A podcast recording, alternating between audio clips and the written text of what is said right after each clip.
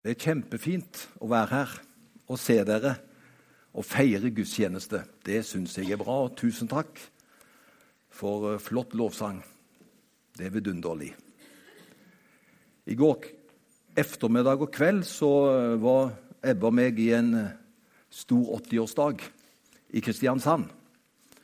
Og grunnen til at jeg sier det, Da møtte jeg arkitekten som sa han skulle komme her om to uker. Så jeg bare sier det, for det nærmer seg ting. Og han sa jeg gleder meg sa han, til å komme til Stavanger. Og så hører jeg Sten at du er i den menigheten. sa han. Så han har jeg kjent gjennom mange eh, situasjoner før. og jeg kan si at Han har tegna så mange gudshus. Og han gjør det for å tjene Gud. Så han eh, gjør det på den måten, så det er fantastisk. Og han gleder seg, og han syns jo at menigheten har vært særdeles heldig som eh, kan makebytte på den måten å komme inn i et så stort kompleks på en slik betingelse. Så han syntes jo det var veldig bra. Så jeg hadde bare lyst til å si det, at han kommer, for han er blitt bestilt her, og han gleder seg, og det kan bli spennende å se hva han kan bidra med. Men i den festen som jeg var da, så han som uh, var 80 år, han er, han er kanskje Norges mest frimodige kristne. Og Da kan du tenke deg, for det er mange frimodige. Men han er kanskje den mest frimodige, og han er så langt unna skalaen der hvor jeg er. Han er motsatt side. Eh, for jeg kan fortelle hvor langt det kan gå. Men han hadde en innenriksfly i, i, i, Russland. Hadde med seg et team. Og så, så spurte han da, kan jeg få lov å snakke med flykapteinen. Spør han ja. Og når han kom inn i cockpiten der hvor flykapteinen er, så, så har flykapteinen hele familien med seg der framme. Og så spør han etter Kjell Haltorp, han 80-åringen. Så spør han Eh, kan jeg få lov å velsigne dere og be for dere, sa han når han var ferdig med å. Ja, det var kapteinen veldig åpen for. Så han eh, velsigna bare for det, og så, og så spør han etterpå tror du, kan jeg, tror du jeg kan få si noe på mikrofonen til alle som er på flyet. Det var, var ca. 120 stykker på det flyet.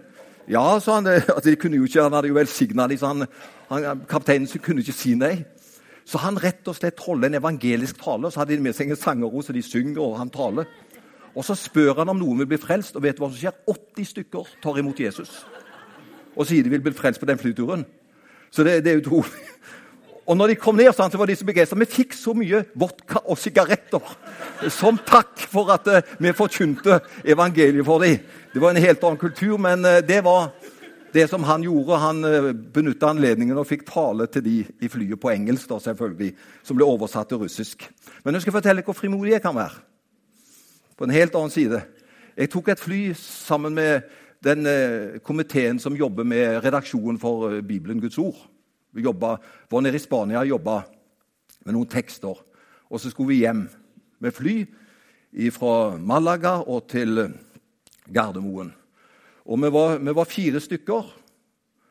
Og jeg satt nest innerst mot veggen. Og der var det en som måtte sitte, for det var en rad på fem stykker. Så den femte satt inne, og så sitter jeg, og så sitter de jo andre tre bortenfor meg. da. Og jeg tenkte her skal jeg sitte med den i fire timer, så jeg er nødt til å snakke. Altså jeg mener, Da kommer jo det, den sosiale korreksen inn. Du må snakke. Eh, du kan ikke sitte så lenge uten å gjøre det. Så, så vi hadde en veldig koselig samtale. Og det viste seg du, at han, han sa han var helikopterflyver. Og han har gått på samme ungdomsskole som meg, på Karmøy. Han var fra Torvastad, jeg var fra Avaldsnes. Og jeg var ett år over han da. Så det er utrolig, Vi hadde så mye vi kunne snakke om, og det var kjekt. Og, og så spør han jo hva jeg gjør. Jo, så jeg, på det tidspunktet så jobba jeg med Bibelen, og så, og så jobber jeg i Troens bevis i Sarensdal. sa jeg. Og ja, Arild Edvardsen har jeg hørt om, sa han. Så vi fikk liksom en sånn en, en grei samtale. Og jeg følte jo at Guds ånd var mektig til stede ut ifra min verden. For jeg syns vi hadde en så fin samtale. Og så kommer hun flyvertinnen med disse eskene med mat. For vi satt litt framme, så vi hadde hver vår eske. da. Og så ser jeg du at han pakker opp, og så sitter han sånt. Må du se hvor jeg sitter? Så sitter han sånt. Og så tenker jeg dette har vært sterkt for han. Samtalen. Så da tenker jeg ber han for maten, så må iallfall jeg gjøre det. Så jeg gjør sånt. Og disse andre som var med meg, de, de kunne jo ikke være dårligere. Så vi sitter hele rekka der. sånn hele. Og det verste av alt han ble nesten ikke ferdig. Så tenkte jeg i all verden, her er, det, her er Guds ånd sterkt til stede. For han, han, han, han slipte nesten ikke tak. Og da tenkte jeg jeg som pastor kan iallfall ikke slippe først. Så jeg ser liksom bort han mens jeg er der. Er han snart ferdig? Og til slutten så, slipper han jo taket. Og Da er stunda kommet for meg, så spør jeg han, du, sier jeg, ba du for maten? Nei, sa han. Hva gjorde du? Jeg varma smøret, sa han.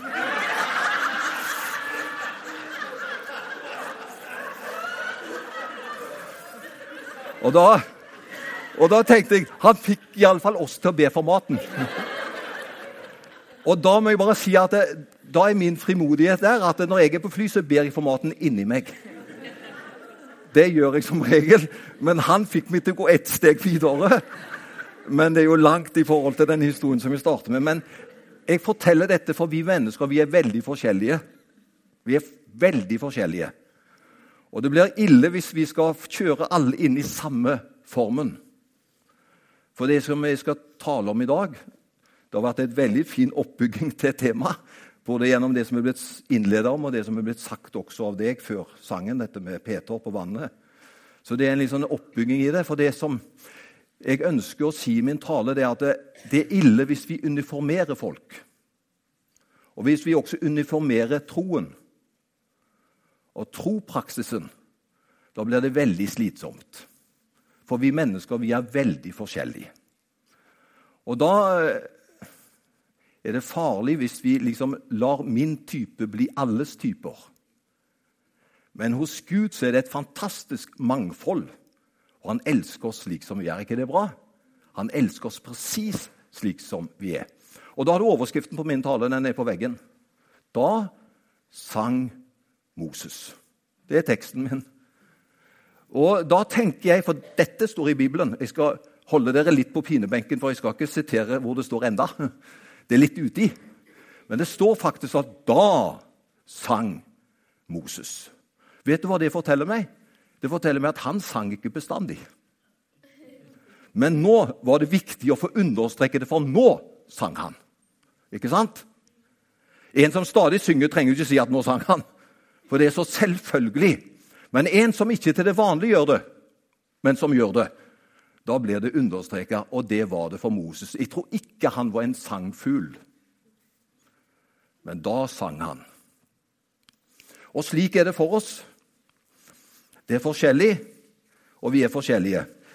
Vi hadde I januar så hadde vi besøk av eh, Håkon Fagervik og Asbjørn Johannessen. Jeg bare nevner dette, for De hadde en sånn tilsvarende aksjon som de hadde her, i Lyngdal da jeg var pastor der. Og de bodde, Håkon og Aspen bodde hjemme hos oss privat.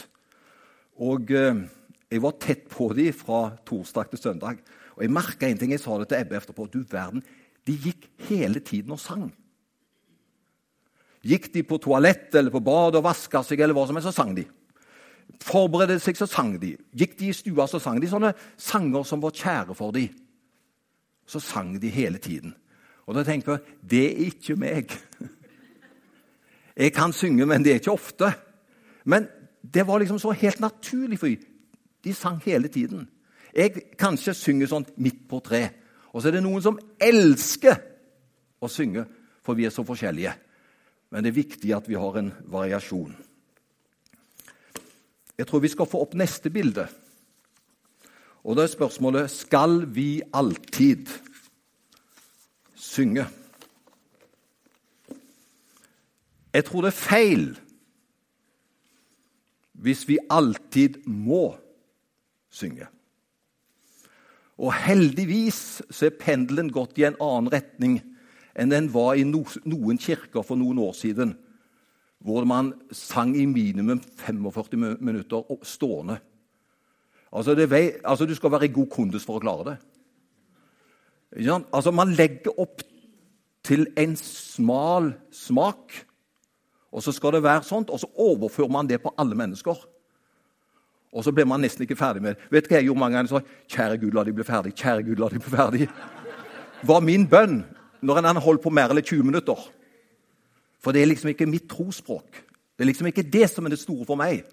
Men når det da blir uniformert og lagt på en slik måte at det skal være det åndelige, og så blir man nesten aldri ferdig med det, da syns jeg det blir slitsomt. Nå er pendelen gått i en annen retning. Nå er det mer faktisk Det er nesten et under. Vet du hva de gjør i noen av de samme møtene? De liner møtet ned på minuttnivå. Så etter 18 minutter da skal den komme inn, og etter 23 minutter så er det det innslaget. Nå er det voldsomt alene, så du kunne tro det skulle være en overførselsgudstjeneste på NRK. Ned til minste minutt. Nå er pendelen gått den veien. Kanskje er det bra noe midt imellom. Men jeg må fortelle, det, det, det er litt forskjellig.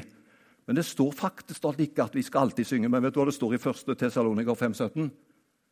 Be uten stans.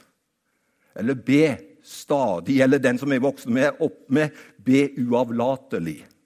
Det er noe vi skal bestandig gjøre. Men det står ikke der at vi skal synge bestandig. Men det står at vi skal be uavlatelig. Hva det betyr? Det betyr ikke at vi skal hele tiden gå fra det ene bønnemøtet til det andre. Men det betyr at vi kan ha kontakten med Gud. Enten vi kjører bil eller vi er et eller annet, så kan vi bare si 'Kjære Jesus'. Så kan vi bare tenke på Han, og så er det noe der som gjør godt. Altså, Vi har hele tiden kommunikasjon. Det står ikke at vi skal synge bestandig, men vi står 'be uten stans'. Altså, det vil si, det er noe som skal prege oss til enhver tid. Livet vårt Livet vårt er liggende på Israels historie. Og For Israel så var livet slik at det gikk opp og ned. Da Israel var ydmyk, fulgte Guds vei, eh, da opplevde de en medgang i landet sitt. Men så var det perioder hvor dette folket bevisst gikk imot Guds lover og hva Gud sa. Og så fikk de betale en pris for det. Og Det var et folk som i perioder fikk bo i sitt eget land. Men så er det også et folk som har en historie hvor de også noen ganger ble okkupert i sitt eget hjemland. Det var ille nok. Men det som var enda verre for dem, det var, det var perioder hvor de ble bortført til et fremmed land. Og hele folket bodde i eksil. Og eh, i en salme i Bibelen så er de i det babylonske fangenskap, jødene. Og du kan bare tenke deg De hadde mange tøffe dager. Du snakker om å ha hodet over vannet. Det var nesten ikke til å ha Altså, Det var nesten bare at de Ikke hodet, men kanskje fra munnen og opp. Altså, Så var det en passasje. Men de var helt nedkjørt av motstand og forfølgelse på fremmed grunn. Og så sier de som hadde okkupert dem, for å vise eh, tyranni, for å vise ondskap, så sier de til jødefolket Ta fram harpene og syng for oss. Dere har jo så mange liflige sanger. Kom med det! Men det var ikke et hjertesak for dem. De gjorde det for å utfordre og provosere dem enda mer. Vet du hva jødene sier da? Hvordan kan vi synge Israels liflige sanger på fremmed grunn. Og så lot de harpene være på, på veggen. De tok de ikke ned, de sang ikke. For hvordan kan vi synge våre livlige sanger under slike forhold som vi har nå? Og det er ikke bare for Israels historie, hvor det kan være vanskelig å synge sanger når man blir provosert, når det er ondskap bak det som forteller ja, nå må du vise det. Men slik kan det også være i hver enkelt av oss sitt liv. Vi kan oppleve å gå gjennom dype daler, vi kan gå gjennom problematiske situasjoner. Og Hvis noen da presser på og sier at nå må du det vil, hjelpe, si, det vil hjelpe med lovsang Jeg tror det er tider hvor det ikke hjelper med lovsang. For det er ikke det som når hjertet vårt når vi er så dypt nede. Du skal få et skriftsted til. Jakob 5,13. Er det noen som lider blant dere? Hva står det når man har det sånt? Han skal be. Er noen ved godt mot? Han skal synge lovsang eller salmer. Ser dere, Bibelen differensierer hvordan vårt liv er. Og så kan vi få komme med hele vårt innenfor Gud, og så vet han om det. Det kan være situasjoner hvor det er så langt unna oss å synge lovsanger, for vi lider. Da kan vi få lov å ta den bønnen som ligger i vårt hjerte nær. Da kan vi få be Gud være med nær. Og nå skal jeg si, Det hadde ikke jeg sagt for 30 år siden. Jeg sier nå. Jeg er veldig glad for glad det finnes klagesanger i Bibelen.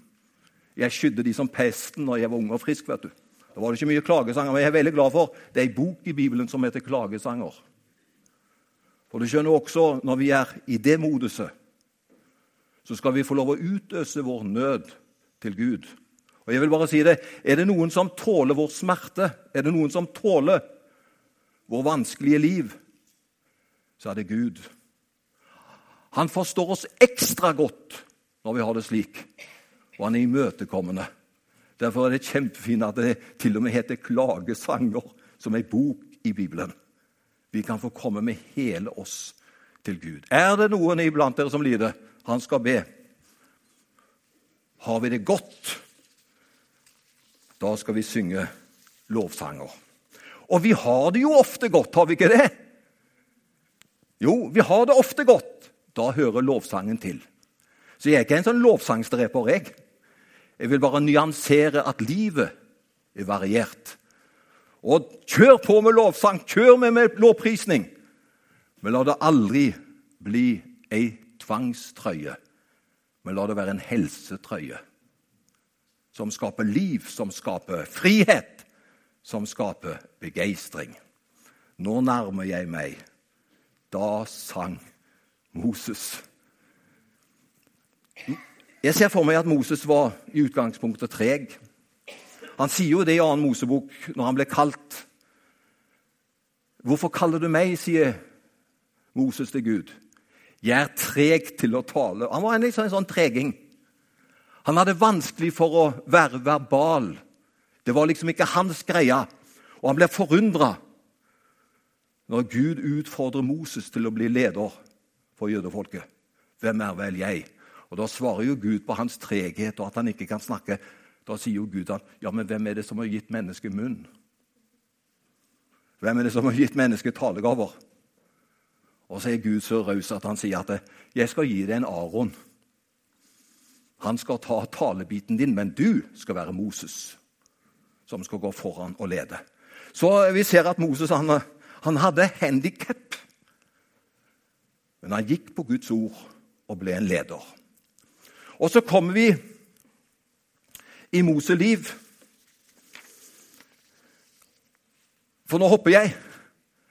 De var på vei ikke bare ut av Egypt, de var kommet ut av Egypt, de var kommet til grensen. Og de måtte gå over Rødehavet. Og når de kommer til Rødehavet, så får plutselig Moses høre Faraos hær er bak oss for å ta oss igjen for å hindre at vi reiser.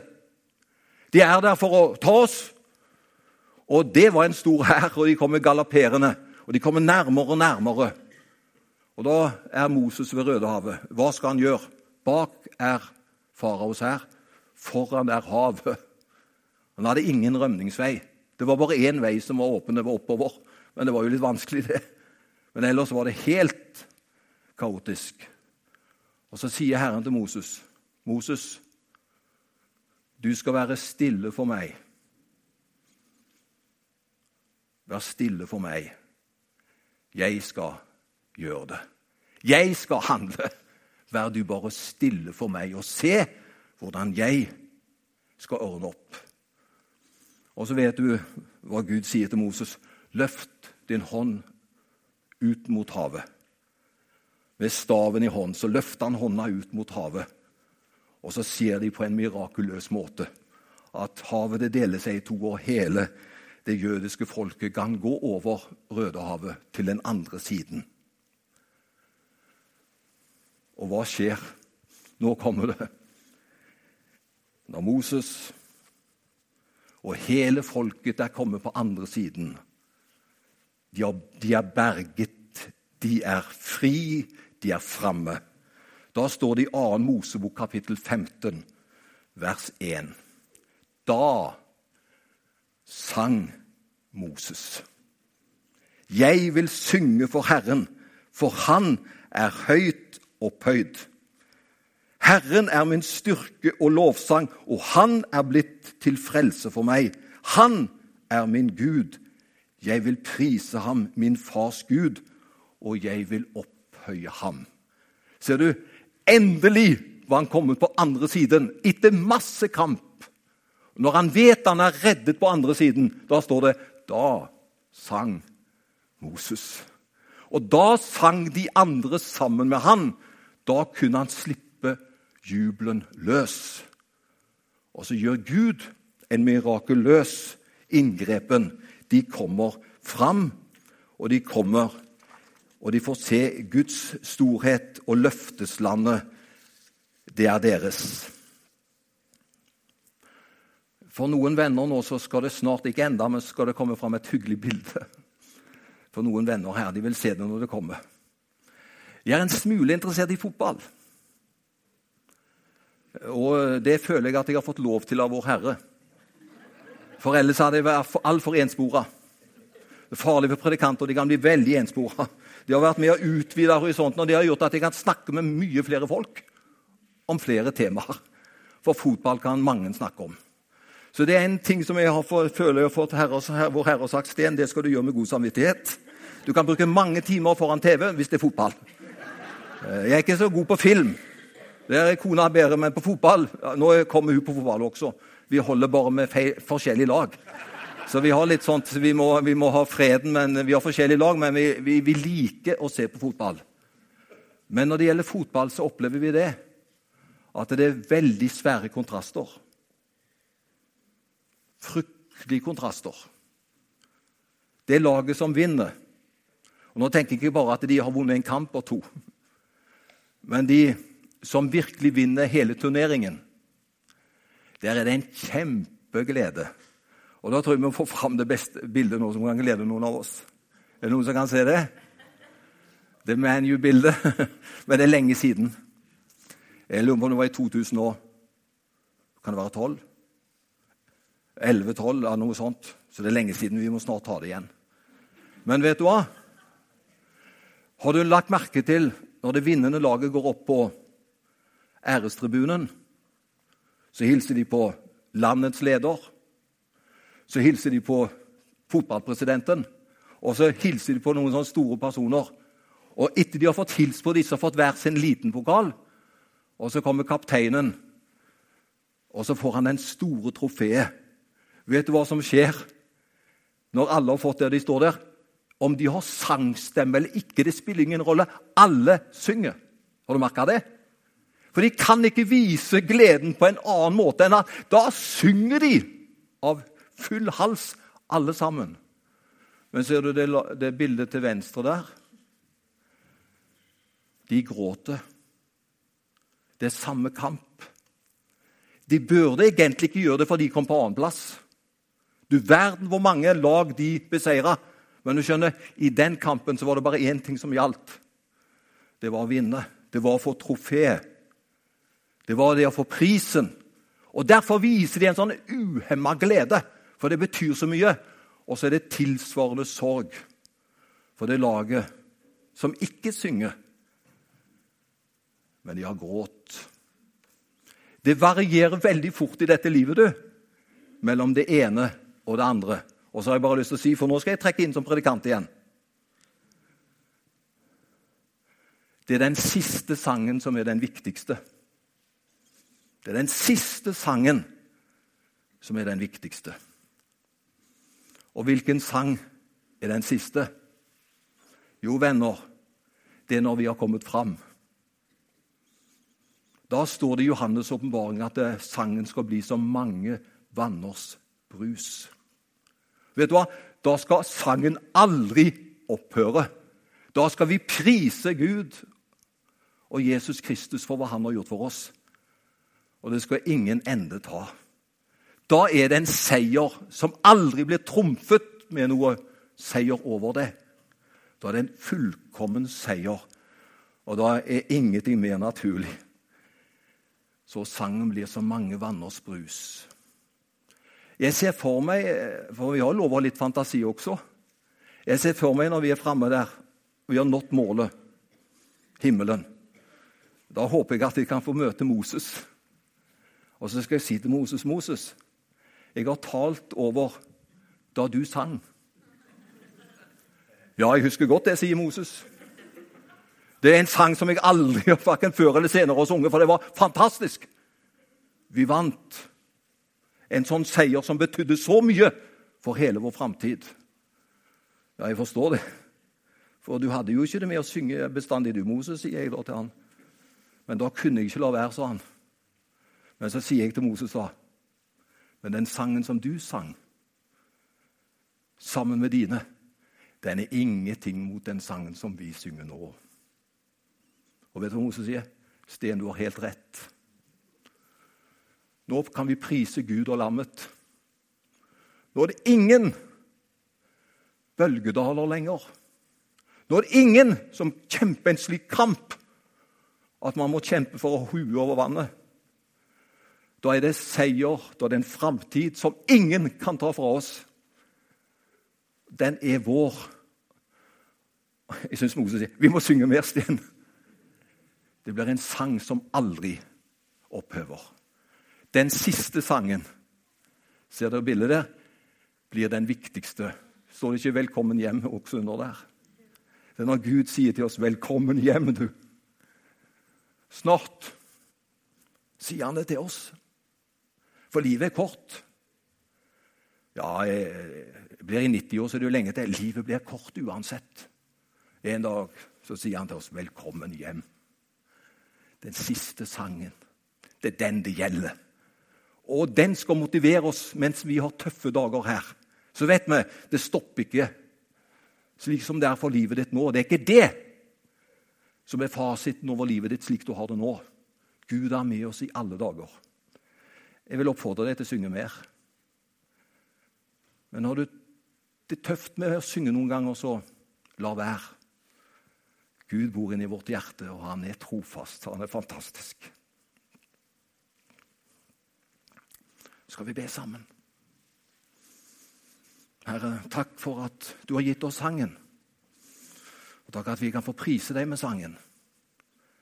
Men herre, noen ganger så er vi helt stille. Vi er tømt for ord. Vi har ingen melodier. Men takk at vi har deg. Og du skal styrke oss og vår hverdag. Vi er forskjellige. Men takk at du er trofast. Og Du skal bare hjelpe oss, Herre. At vi holder ut, og vi vil holde ut for en dag skal du si til oss 'velkommen hjem'.